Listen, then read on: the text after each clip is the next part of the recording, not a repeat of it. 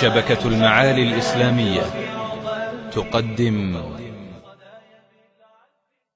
الناس تفرق مسعاهم ما بين الدين ودنياهم برز التاريخ بألوان لعقائد سارت ترعاهم. لعقائد سارت ترعاهم. خلل نحل شتى ظهرت وطريق الجنة بغياهم ورد الداعون مناهلها واختار الناس مشاردهم الناس تفرق مسعاهم ما بين الدين ودنياهم.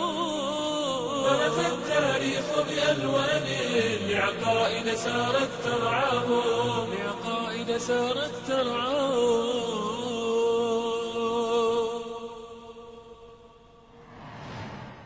الحمد لله رب العالمين وصلى الله وسلم وبارك على خير خلقه أجمعين وعلى آله وصحبه الطيبين الطاهرين.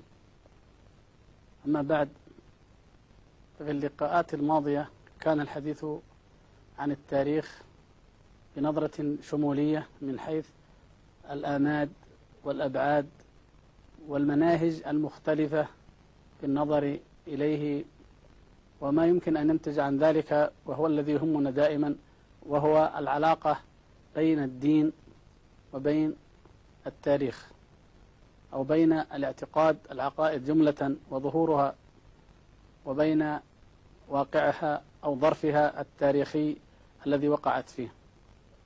وفي هذه الحلقة إن شاء الله تعالى نتكلم أو ندخل إلى تفصيل في التاريخ بالحديث عن مرحلة التاريخ وما قبل التاريخ لنستنتج بعد ذلك العلاقة الأقوى والارتباط الأوثق بينها وبين قضية العقائد والنظرة إلى العقائد الدينية من حيث ظهور تلك العقائد. وهذه قضية مهمة جدا في تاريخ الفكر البشري منذ القدم وتتعلق بها نظريات كثيرة في الأحياء وفي الجيولوجيا وفي الدين وفي المنطق وفي الفلسفة بل إن الفكر البشري بجملته في العصر الحاضر يكاد يقوم على هذه العقائد أو على هذه النظريات التي منها اشتقت أكثر العلوم وقامت عليها كثير من العلوم التي قد تبتعد أو تقترب قليلا من هذه الموضوعات ولكنها في النهاية متأثرة بها تأثرا واضحا جديدا شديدا. فمن المعلوم أيها الأخوة أن التقسيم أو المعروف لدينا الآن من تقسيم العلوم إلى علمية وأدبية المعروف أن كل بحث أدبي فهو تاريخي كما يقولون. يعني بمعنى أن البحوث النظرية يعني بخلاف البحوث التطبيقية البحث فيها تاريخي لأنك إن كتبت عن دين أو كتبت عن فرقة أو كتبت عن رجل أو عن أي شيء تريد جوانب معينة من حياته فإن البحث في النهاية هو تاريخي. ومن هنا ترتبط أو تقوى العلاقة ما بين التاريخ وبين الحكم على الناس أو العقائد أو الأشياء من خلال فلسفة أو منهج معين. فبذلك نجد أن هذا الارتباط الوثيق يجعل تحديد وحقيقة ما قبل التاريخ أو ما أو التاريخ نفسه أو يعني أهمية التاريخ تكون خطيرة جدا في هذا الشأن لأنه ينبني عليها ويرتبط بها هذا الشأن في كل البحوث النظرية والتطبيقية. فعندما نحن نتحدث عن نشأة الحضارة أو كما يتحدثون هم عن نشأة مثلا الأديان ونريد أن نؤصل لهذا ونريد أن نرد أو نبطل النظريات في الباطلة في هذا ونؤكد الحقائق اليقينية القطعية في هذا وهي التي ينبغي أن يسعى ويبحث إليها كل عالم في هذه العلوم فإنه سوف يجد نفسه أمام هذا التقسيم الذي وضعه أولئك وهو, وهو تقسيم التاريخ إلى مرحلة ما قبل التاريخ ومرحلة التاريخ. ومرحلة ما قبل التاريخ كما يقول أحد الكتاب المهمين فيها وهو دكتور محمد غلاب في كتاب الجغرافيا التاريخية عصر ما قبل التاريخ يقول اتفق العلماء على إطلاق تعبير ما قبل التاريخ على العصر السابق لمعرفة الإنسان الكتابة. يعني الكتابة هي الحد الفاصل ما بين عصر ما قبل التاريخ والتاريخ. أيا كان نوع الكتابة وأيا كان شكلها وأيا كان قدمها فهي هي الحد وهي المعلم ما بين هذا التاريخ وما, وما, بين وما بعده. وبتعبير آخر يطلق على هذه العصور العصر الحجري. نحن نلاحظ أنه حتى في اللغات الدارجة عند العامة أننا نستخدم العصر الحجري بمعنى الماضي القديم البدائي أو الهمجي أو ما يتسم بالعفوية أو أحيانا بالغباوة وما أشبه ذلك. فيقال هذه أفكار حجرية أو من أصول حجرية وما أشبه ذلك. فهل هذا المدلول هل له حقيقة أو هل هو صحيح؟ يعني نحن نحتاج إلى في الحقيقة أن أن نرجع ننظر نظرة عقلية علمية ونتأكد من هذا. فمثلا يعني عندما نقول دين الدين فيما قبل التاريخ أو دين ما قبل التاريخ. نجد أن عندنا في الحقيقة مصطلحين. نجد هذين المصطلحين الدين وما قبل التاريخ أو الدين في العصور الحجرية. ونجد أن كل كل من المصطلحين فيه إشكالية. يعني إشكالية ما هو ما قبل التاريخ ثم إشكالية ما هو الدين الذي حكمنا من خلاله على أنه بهذا الشكل أو بذاك.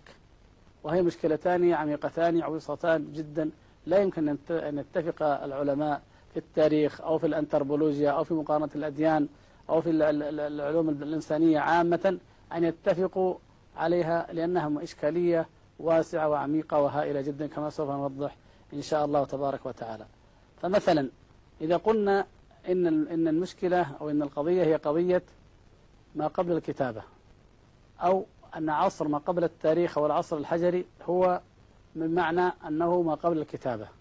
فمعنى ذلك أنه لا يمكن أن يكون في حياة البشرية معالم واضحة فاصلة محددة تحدد هذا العصر عما قبله وما بعد أو ما بعده. يعني كيف يكون هذا؟ يعني إلى الآن يوجد مجتمعات لا تعرف الكتابة إلى هذه المرحلة وهي مجتمعات في أستراليا في المناطق الاستوائية في أفريقيا في الأمازون وغير ذلك لا تعرف إلى الآن أو لم ترتقي إلى ما يجعله حدا فاصلا بين العصر الحجري وبين العصر الحديث الحضاري. فهل نعتبر أن أن العصر الحجري اذا يمتد في كل أعماق التاريخ؟ يعني اذا هذه تدل على أن هذا التعريف غير آه، واضح غير منضبط في عموم البشرية وإنما وضع في أوروبا. كما قلنا لمركزية معينة كان ينظر إليها الناقدون الأوروبيون وهو التاريخ الأوروبي في ذاته ومع ذلك نشاهد أيضا أنه حتى داخل العالم أوروبا وما حولها نجد أن هناك اختلاف وتباين في الانتقال من العصر الحجري إلى العصر الذي بعده فمثلا عندما نتحدث عن العصر الحجري في بلاد الرافدين وفي مصر فنجد أنهم يقولون إنه انتهى قبل تقريبا خمسة آلاف سنة من الآن يعني في ثلاثة آلاف قبل الميلاد. فمعنى ذلك أنه قديم وربما يكون في الصين وفي الهند أقدم من ذلك. لكن نجد أنه في أوروبا لم يصل إلى أي من هذه المراحل القديمة بهذا الشكل على الإطلاق. فيعني مثلا نجد في الكتاب الذي أصدره مجموعة من العلماء العراقيين وهو الحقيقة بحوث علمية مركزة عن تاريخ العراق يعني يقولون أن أن هناك يعني إشكالية في قصر المسافة التاريخية الخمسة آلاف سنة.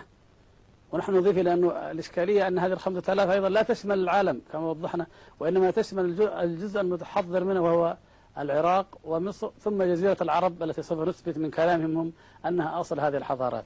لكن المقصود أنه يعني آه، يعني حتى على هذا الإشكالية يقولون إن العراق ومصر كان يعيشان عصور ما قبل ما قبل التاريخ إلى أواخر الألف الرابع قبل الميلاد.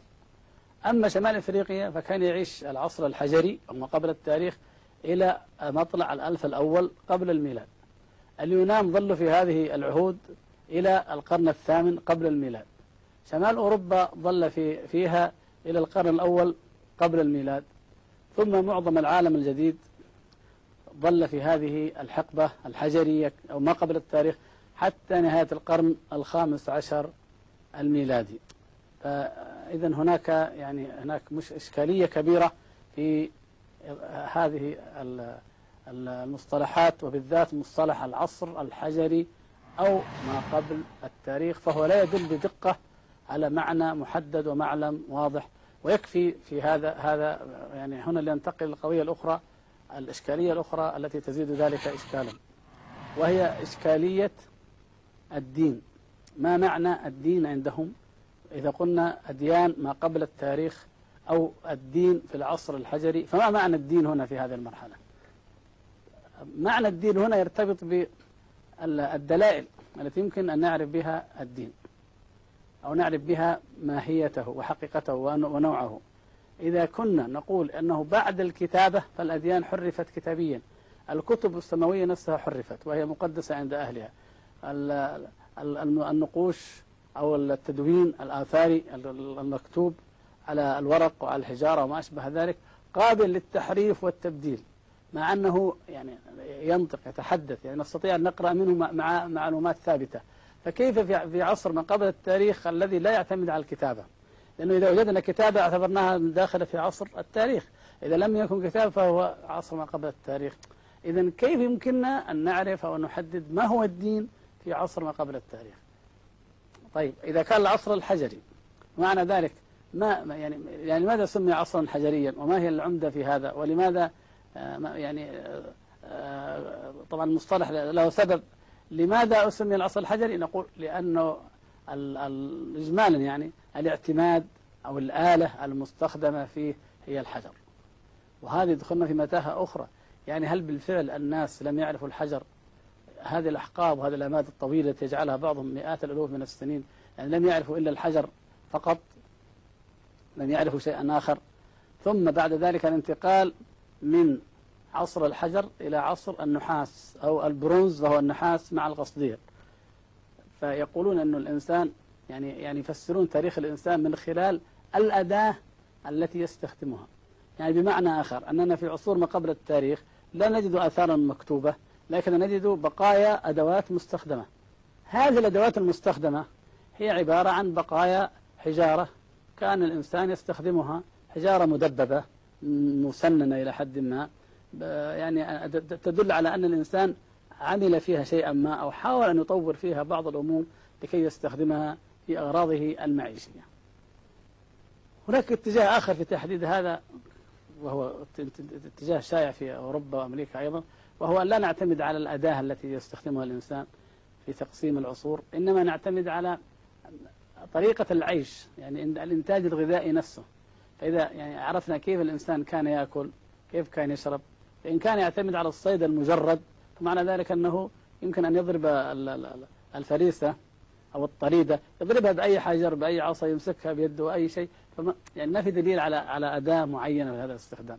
إذا كان وجدنا أنه مثلا يستخدم النار معنى ذلك أنه عرف شيئا من هذه الاستخدامات.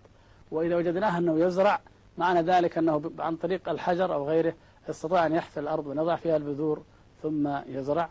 فلذلك يعني العصر عندهم الحجري أو عصر ما قبل التاريخ ينظر إليه من الناحية الاقتصادية أو أسلوب المعيشة لا من حيث أداة المعيشة. والواقع أن كلا النظريتين أنها تتجه بالإنسان اتجاها ماديا هابطا جدا.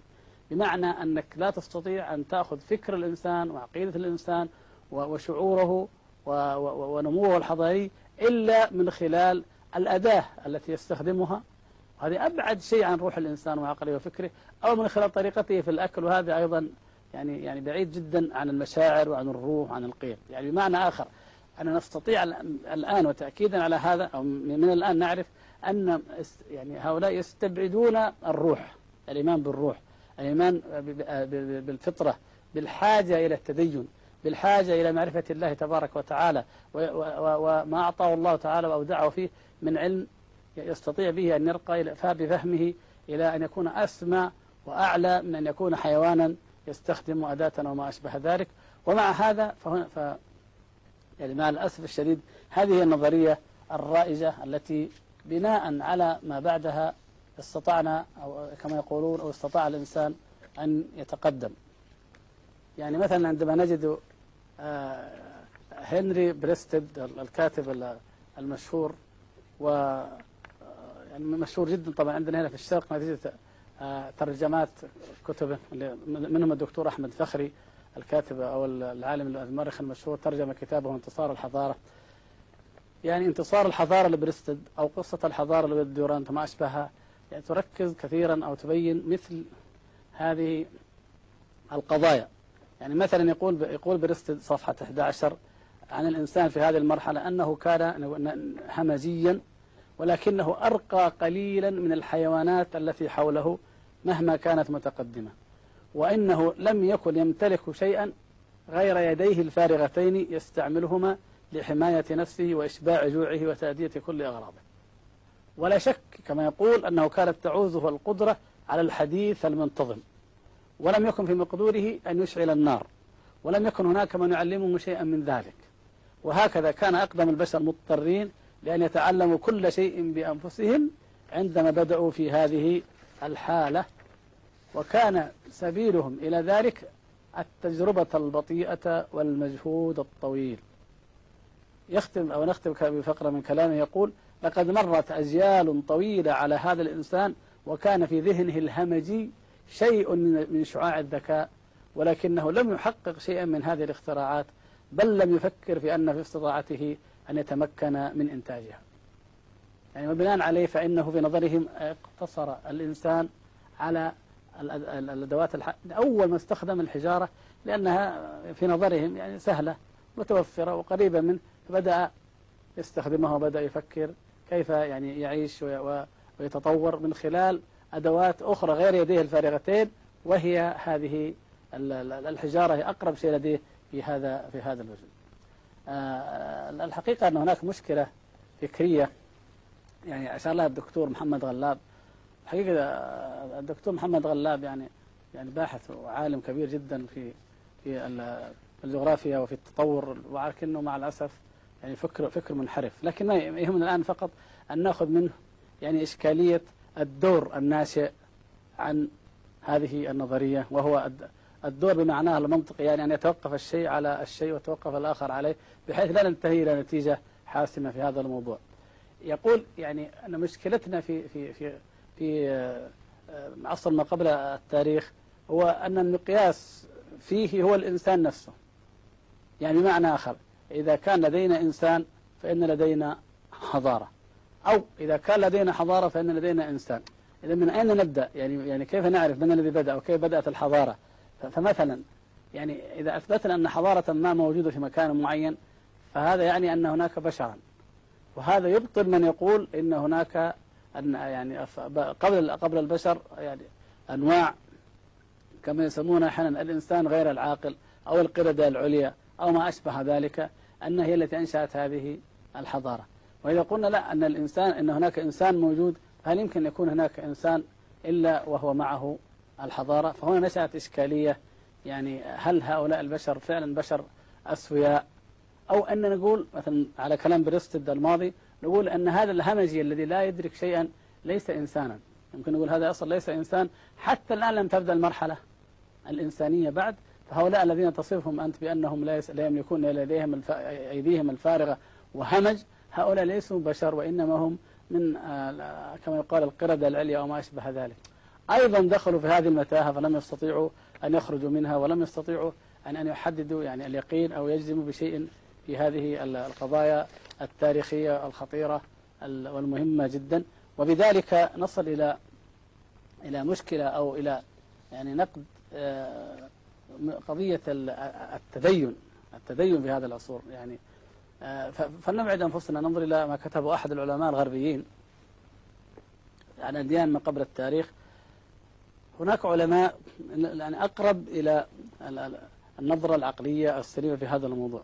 وهي وهو أنهم قالوا لنفترض مثال يوضحونه. نفترض أننا ذهبنا وأتينا بإنسان من خارج الفضاء من خارج ال ال الأرض يعني من الفضاء. أتينا بإنسان وضعناه في مكان ووضعنا أمامه كوب وضعنا أيضا سكين ووضعنا خبز أو ما أشبه ذلك. فما الذي يمكن أن يفهمه هذا الإنسان مهما كان ذكيا أو عاقلا من من وجود هذه الأشياء؟ لماذا أتوا بهذا المثال؟ يقول لأن العشاء المقدس العشاء الرباني في الكنيسة يعتمد على الخمر ويعتمد على السكين ويعتمد على الخبز مثلا. فإذا الأدوات هذه موجودة لكن ما دلالة الأداة على أن هذا قربان مقدس تفعله الكنيسة وتعتقد فيه كما هي عقيدتها الباطلة؟ أن المسيح عليه السلام أمرهم به وأنه قال آه، الخمر دمي فاشربوه والخبز لحمي فكلوه حتى تمتلئوا مني. يعني الأمر العقيد يعني بعيد جدا. يعني دلالتها ضعيفة جدا دلالة الآلات أو الأشياء الحجرية الموجودة في عصور ما قبل التاريخ إذا كانت تجارة أو عظام أو ما أشبه ذلك. فالدلالة بعيدة جدا أن تدلنا على ماذا كان يعتقد هؤلاء وماذا كانوا يؤمنون به. فلا تدلنا الآلات أبدا على العقائد. لكن هناك افتراضات هناك تأويلات هناك بعض الأمور التي تدل على شيء. يعني ذكروا مثال طريف حقيقة جدا ومفيد جدا. يقول أنه لم يوجد في كل الرسوم التي تسمى رسوم ما قبل التاريخ أو يعني الحيوانية يقول لم يوجد على الإطلاق على ما رسم من كثرة الحيوانات وخاصة الثور البري البيسون وما أشبهه. لم يوجد يعني تصوير للأعضاء التناسلية للحيوان أو طريقة التناسل. لاحظوا كيف هذا الملحظ. يقول ما ما وجد. يعني في فيقول إما أنها كانت تطمس عمدا أو أنها لا تكتب. فما نقدر يعني ندرس الحيو... الكائنات القديمة أو الإنسان القديم نظرته الجنسية أو الحياة أو الحيوانات من, من ناحية جنسية. لأنه ما في كانت إما تمحى عمدا أو أنها لا تكتب. معنى ذلك نستطيع أن نفهم نحن أن الطهارة أن الفضيلة أن العفة أن البعد عن الفحش. فطرة موجودة ولم يستطيعوا ولله الحمد أن يثبتوا شيئا يعني يعني خلاف ذلك. المقصود هنا هو يعني بعد المسافة بين دلالة هذه مصادر المعرفة هذه التي هي الأدوات البسيطة على حقيقة الدين ما الذي كان يدينون به. نحن نستطيع أن نؤكد حقيقة واحدة أو أمر آخر وهو أن هذه الأدوات تدل على التدين على أن في دين هذه حقيقة.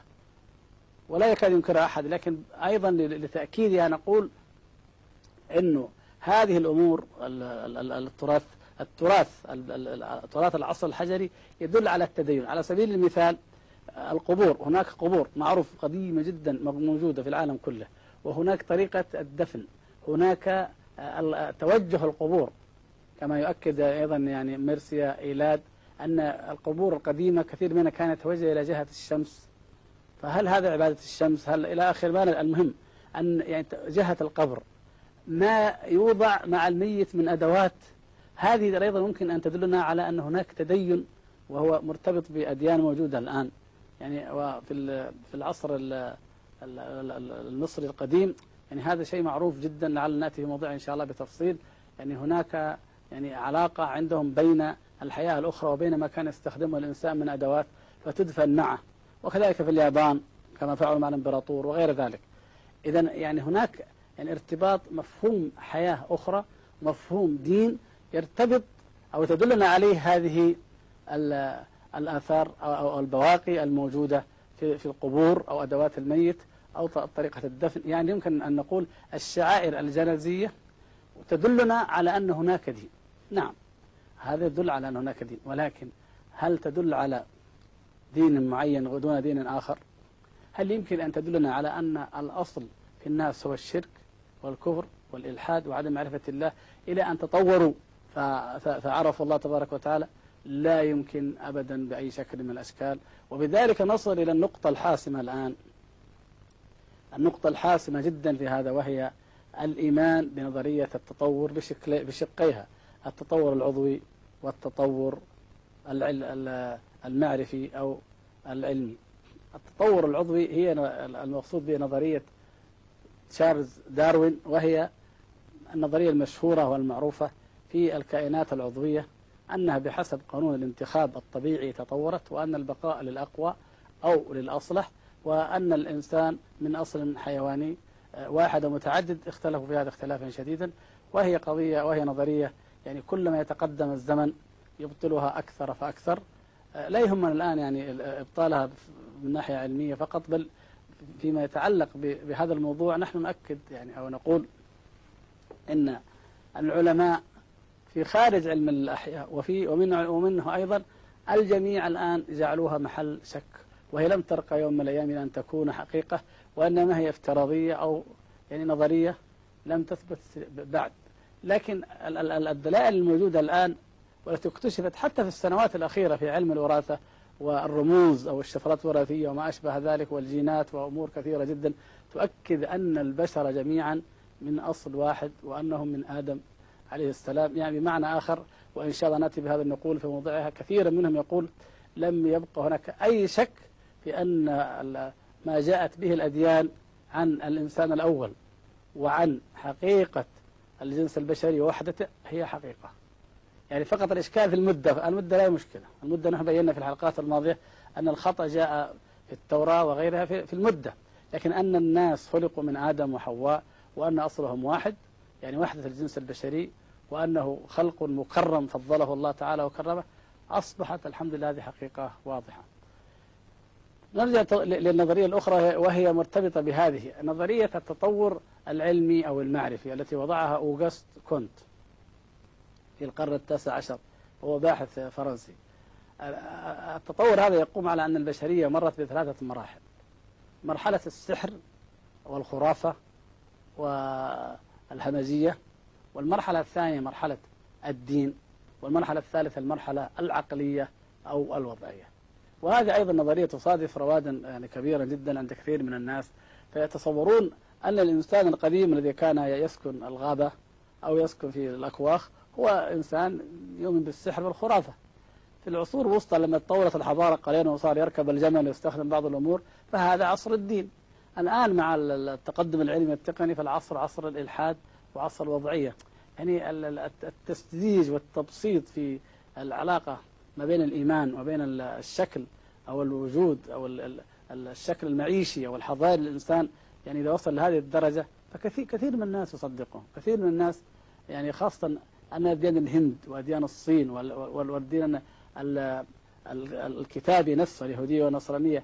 تبين بطلانها. ومع ضعف المسلمين مع تقهقرهم مع تأخرهم راجت هذه العقيدة في أكثر العالم الإسلامي مع الأسف. حتى أن كثيرا من الكليات في العالم الإسلامي نفسه تدرس هذا الكلام وكأنها مراحل حقيقية مرت بها البشرية وكأن الناس تطوروا من الشرك إلى التوحيد. وكأن حتى التوحيد الذي نحن الحمد لله تعالى ندين به فهو إنما جاء عن طريق بشر ولم يأتي عن طريق يعني بشر غير أنبياء أم عن طريق بشر عاديين عن طريق ملوك عن طريق آه، علماء آه، باحثين عن طريق مفكرين. ولذلك دخلت الفلسفات والوثنيات الكثيرة حتى في الفكر الإسلامي. ف آه، سنوضح هذا إن شاء الله في حلقة مستقلة عن أو أكثر عن اليونانيين وجاهليتهم وهمجيتهم. ومع ذلك فإن الفكر اليوناني رائج مع الأسف الشديد ودخل وغيره من الماديات الأفكار الإلحادية الحديثة دخلت إلى المسلمين من خلال الإيمان هذا هذا الإيمان الساذج البسيط بأن البشرية كما تطورت في الناحية المعيشية والناحية المادية فهي أيضا تطورت في الناحية العقلية وفي الناحية الإيمانية التي أعظم من ذلك وأعمق والتي هي الميزة التي ميز الله تبارك وتعالى بها الإنسان وهو أنه مؤمن بالله تعالى. وبهذا الإيمان يمكن أن يتغير الشكل المعيشي أو البيئة التي يعني يعيش فيها حضاريا ولكنه لا يتغير أبدا شعوره وإيمانه بالله سبحانه وتعالى و أو بحاجة إلى معبود يعبده فيضل ويعبد غير الله وينحرف في ذلك لكن الأصل هو التوحيد في البشرية في كل العالم الجنس البشري. الأصل أنهم كانوا على القرون جميعا على التوحيد والأصل أيضا في كل إنسان الفطرة الصحيحة فهو كما قال صلى الله عليه وسلم كل مولود يولد على الفطرة كل مولود يعني أيا كان يولد على الفطرة فطرة الله التي فطر الناس عليها لا تبديل الخلق الله لكن بعد ذلك التربية تغيره فأبواه يهودانه أو ينصرانه أو يمجسانه. ولم يقل يسلمانه لأنه هو إذا بقي على الإسلام فهذا هو الذي يولد عليه كل إنسان وهو معرفة الله تبارك وتعالى وتوحيد الله. في أي وضع بيئي ولد في أي وضع حضاري نشأ فهذه هي العقيدة التي يعتقدها أو يعني يجب أن يؤمن بها كل مسلم و يعني نحن لا نريد التفصيل لكن المقصود من هذا هو أن كلا نظري النظريتين نظرية التطور العضوي لداروين ونظرية التطور الفكري لأوغست كونت أثرتا وتؤثران في النظرة إلى التاريخ بهذا الشكل. كما أن النظريات التاريخية أيضا يعني تؤثران تأثيرا كبيرا في في هذه النظريات. فكأن كل منهما يقوي الآخر مع أن أيضا كل منهما ينتقد الآخر. وبذلك أصبحت النظرية أو العقيدة السائدة والغالبة في معظم المناهج الدراسية والمنهجية في معظم أيضا الأفكار البشرية في العالم اليوم تقوم على أن الإنسان مر بعصر همجي ومرحلة لا تدين أو مرحلة الدين البسيط الساذج البدائي ثم انتقل منها إلى مرحلة الأديان المعروفة. ومنها طبعا البراهمية البوذية ثم الديانة الكتابية الأزرادشتية واليهودية والنصرانية والإسلام. ثم انتقل إلى المرحلة الحديثة كما يظنون أو كما يزعمون وهي مرحلة الفكر الوضعي أو الفكر المادي أو الفكر العلمي الذي يقتضي في نظرهم أو في نظر كثير منهم أنه لا يحتاج الإنسان إلى أن يؤمن بالغيب أو ما أشبه ذلك. الحقيقة أن يعني آه، هنا ينبغي لنا أن نأتي على آه، قضايا أو على جانب مهم جدا في في هذا وهو أنه ليس المسألة ليس المسألة بهذا الإجماع في الغرب لكن هناك مدارس هي ضالة أيضا ومنحرفة في نظرتها للدين لكنها عكست ذلك. يعني يمكن نحن أن نستفيد منها أنها قلبت لهم ظهر المجن وأنها أرادت أن تثبت أن هذه النظريات خاطئة وهذا يكفينا يعني لأنه إثبات خطأ هذه النظريات بنفس الطريقة وبنفس الوسيلة هو حقيقة كاف لمن يعقل أو يفطن. ونحن نشير هنا إلى نوعين فقط على يعني على عجل أيضا كما أخذ النظريتين الأخريات بعجل. النظرية الأولى هي نظرية البنيوية أو الفلسفة البنيوية. البنيوية يعني فلسفة حديثة ظهرت في أوروبا بعد الحرب العالمية الثانية لكنها استطاعت أن تجتاح كثيرا من المفكرين ولا سيما في فرنسا وفي غيرها. آه، النظرية البنيوية تنظر للأمور على أنها بنية ولا تنظر إليها على أنها أحادية مسطحة مبسطة. فعندهم أن البنية التفكيرية أو البنية العقلية البنية المعرفية للإنسان منذ أن عرف الإنسان إلى إلى الآن أنها واحدة وأنها لم تكن مبسطة ثم تعقدت. بل يقولون إن الأديان الأكثر تعقيدا هي الأديان البدائية أو الأديان ما يسمى الهمجيين يقولون إن المشاعر والتفكير عند الإنسان الذي يعيش في الغابة أعمق منها والحاسة السادسة أو السابعة عنده موجودة أقوى منها بل مفقودة يمكن عند الإنسان الحديث.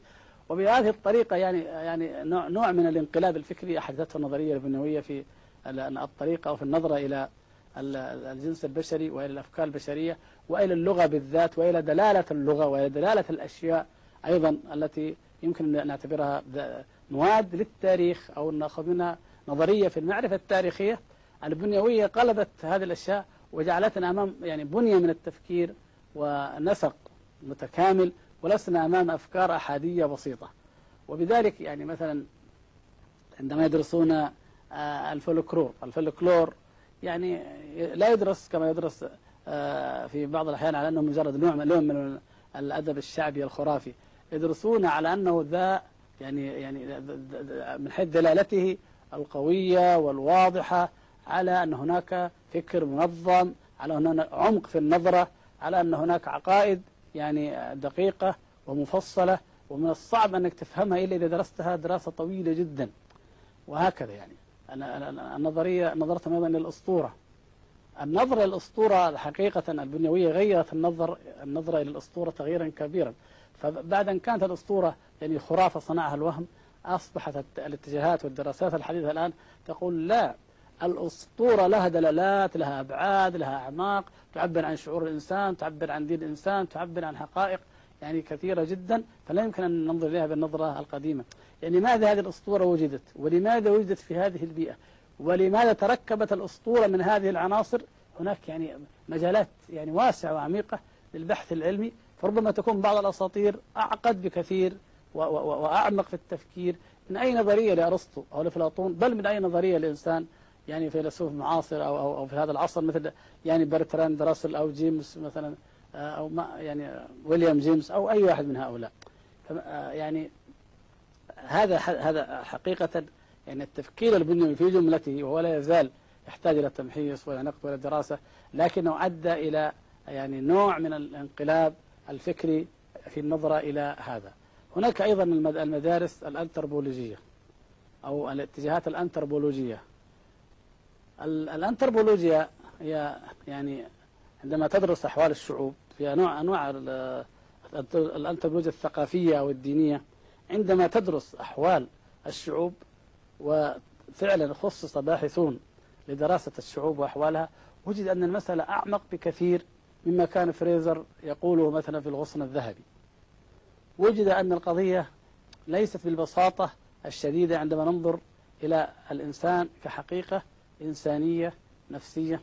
فنجد أن هناك أعماق بعيدة جدا أغوار في النفس الإنسانية مطامع ورغبات وأهواء وشهوات.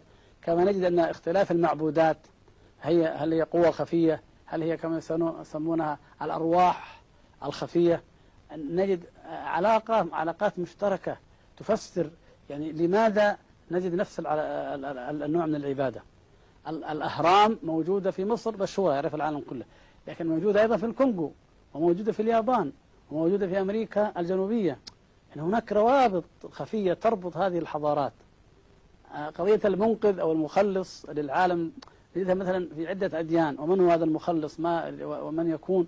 يعني هل هو نبي آخر الزمان كما سوف نوضح إن شاء الله تعالى. أو المهدي المنتظر كما عند العقيدة الزردشتية وعند في العقيدة الإبراهيمية ثم انتقل الشيعة الإمامية. مثلا أشياء كثيرة جدا يعني يستطيع أو يدرسها علم الأنثروبولوجيا لينقلنا إلى أعماق وإلى آه، يعني يفتح أبواب مجهولة. هو لا يعطي أجوبة ليس شرطا أن نأخذ نحن أجوبة لكن يفتح النظر لنا على نوافذ على عوالم مجهولة جدا لا نستطيع أن نعالجها بالنظرة البسيطة الساذجة في في التاريخ وغيره التي تقول هناك عصر حجري فهو ما قبل التاريخ وما قبل الكتابة وهناك العصور التاريخية وهي ما بعد ذلك ويعني ببساطة انتهى الأمر.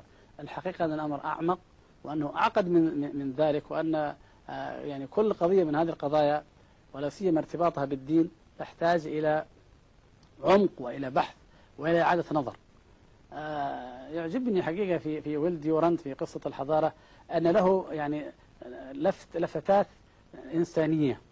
نجده أحيانا يتحرر من من النظريات ويعبر تعبير نفس ذاتي من عنده شخصي. وقد توافقه وقد تخالفه لكن سبحان الله إذا تحرر الإنسان من من التقليد فإنه قد يصل أحيانا إلى شيء من المعقولية في كلامه. آه، هنا مكان يعني أو آه، موضع طريف ننقل منه من كلام ديورانت تحدث فيه عن شيء في الفطرة الإنسانية عند المرأة مثلا وحب التزين التزين والحلي بالنسبة للمرأة. فهل فعلا يعني يعني المرأة البدائية أو الهمجية أو القديمة أو في العصور القديمة مثلا قبل الوسائل الحديثة يعني هل كان تنقصها النظرة الشعور العاطفي الإحساس بالجمال التمتع بهذا الجمال الحرص على الجاذبية وعلى أن تكون آه، يعني منظورا إليها بأنها ذات جمال وذات يعني فتنة. يعني يعني يعني هل يمكن فعلا أن هذا الشيء يتأثر بالحضارة؟ بحيث يعني مثلا نقول أنه أنه يعني الشعر الغزل في أو الشعر النسيب أو في القرن العشرين أفضل منه في القرون الأولى أو ما أشبه ذلك مثلا. آه، هنا مقطع لطيف من ديورانت يحسن أن نقرأه.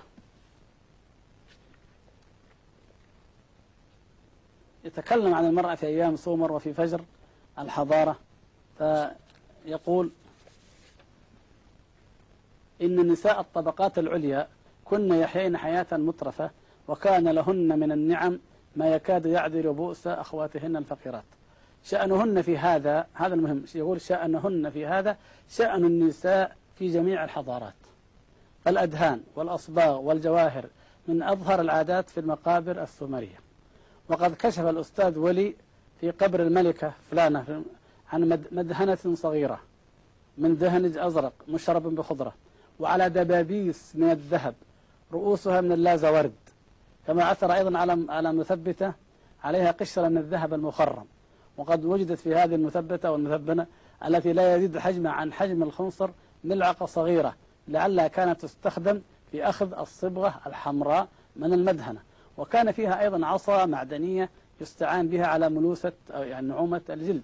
وملقط لعله كان يستعمل لتزجيج الحاجبين أو لنزع ما ليس مرغوبا فيه من الشعر ملقط للشعر وكانت خواتم الملكة مصنوعة من أسلاك الذهب. وكان أحدهما مطعما بفصوص من اللازورد. وكان عقدها من الذهب المنقوش واللازورد. المهم يقول يختم وما أصدق المثل القائل إنه لا جديد تحت الشمس وأن الفرق بين المرأة الأولى والمرأة الأخيرة لا يتسع له سم الخياط. يعني المشاعر الإنسانية واحدة. قد تتاح الظروف يعني يعني الله تعالى يعني قسم بين العباد معيشتهم في الحياة الدنيا. قد يكون لأنها ملكة أو لأنها تملك يعني فتأتي بهذه الأدوات. ولو كانت في عصور سحيقة من التاريخ وقد تكون فقيرة فلا تستطيع التعبير عن هذه المشاعر وإن كانت في العصر أو في القرن الحادي والعشرين. لكن أيا كانت هي امرأة وهي لها مشاعرها وهي لها رغباتها وتطلعاتها وكذلك الأمر في كل القضايا. يعني نخلص من هذا أيها الإخوة يعني إلى أننا عصر العصر الحجري أو عصر ما قبل التاريخ مصطلح مضلل غامض ليس له حقيقة علمية. النظريات التي تتحدث عن دين الإنسان في هذا العصر أنه كان الوثنية أو الطوطمية أو عبادة الأحياء أو الأرواح الأحيائية والأرواحية أنها لا تقوم على أي برهان علمي أن العلم نفسه أو البحوث الاجتماعية نفسها في الغرب لا يعني بدأت لا تؤمن بهذا بل بدأت تنتقد وتوضح مخالفته للفطرة السليمة وأن الجهل والشرك يعتل الإنسانية في كل مراحلها. وبمعنى آخر ثبات الفطرة الإنسانية والنزعة والرغبة البشرية التي ذكرها الله سبحانه وتعالى في كتابه. عندما يأتي ذكر الإنسان فإنه يوصف بكل الأوصاف التي هي في الحقيقة النفسية للإنسان أينما وجد في كل زمان ومكان مثل مثلا أنه خلق هلوعا مثلا. مثل أنه لحب الخير لشديد مثل الحرص الدائم عليه مثل أنه إذا مسه الضر آمن وإذا مسه الخير كفر. وهكذا حقائق نفسية ثابتة في الإنسان من حيث هو إنسان وفي أي مكان وجد وفي أي زمان ظهر. الخلاصة هذه لعلها إن شاء الله نكتفي بها في هذا اللقاء. الحقيقة تكفينا لكي نعرف هشاشة وضآلة وضحالة في الحقيقة المعرفة البشرية في هذا الأمر إذا هي تجردت عن الله تبارك وتعالى عن دين الله عن معرفة الله عن تعليم الله تعالى الإنسان عن الاعتقاد بتكريم الله تبارك وتعالى الإنسان وإن شاء الله تبارك وتعالى في حلقات قادمة نأتي على شيء من التفصيل لهذه القضايا الكبرى نسأل الله سبحانه وتعالى أن يوفقنا وإياكم إلى كل خير وأن يهدينا سواء السبيل. صلى الله وسلم وبارك على عبده ورسوله محمد وعلى آله وصحبه أجمعين. الناس تفرق مسعاهم ما بين الدين ودنياهم برز التاريخ بألوان لعقائد سارت ترعاهم. لعقائد سارت ترعاهم. خلل بحر شتى وطريق الجنة بغياهم ورد الداعون مناهلا واختار الناس مشاردهم الناس تفرق مسعاهم ما بين الدين ودنياهم. برز التاريخ بألوان لعقائد سارت ترعاهم. لعقائد سارت ترعاهم.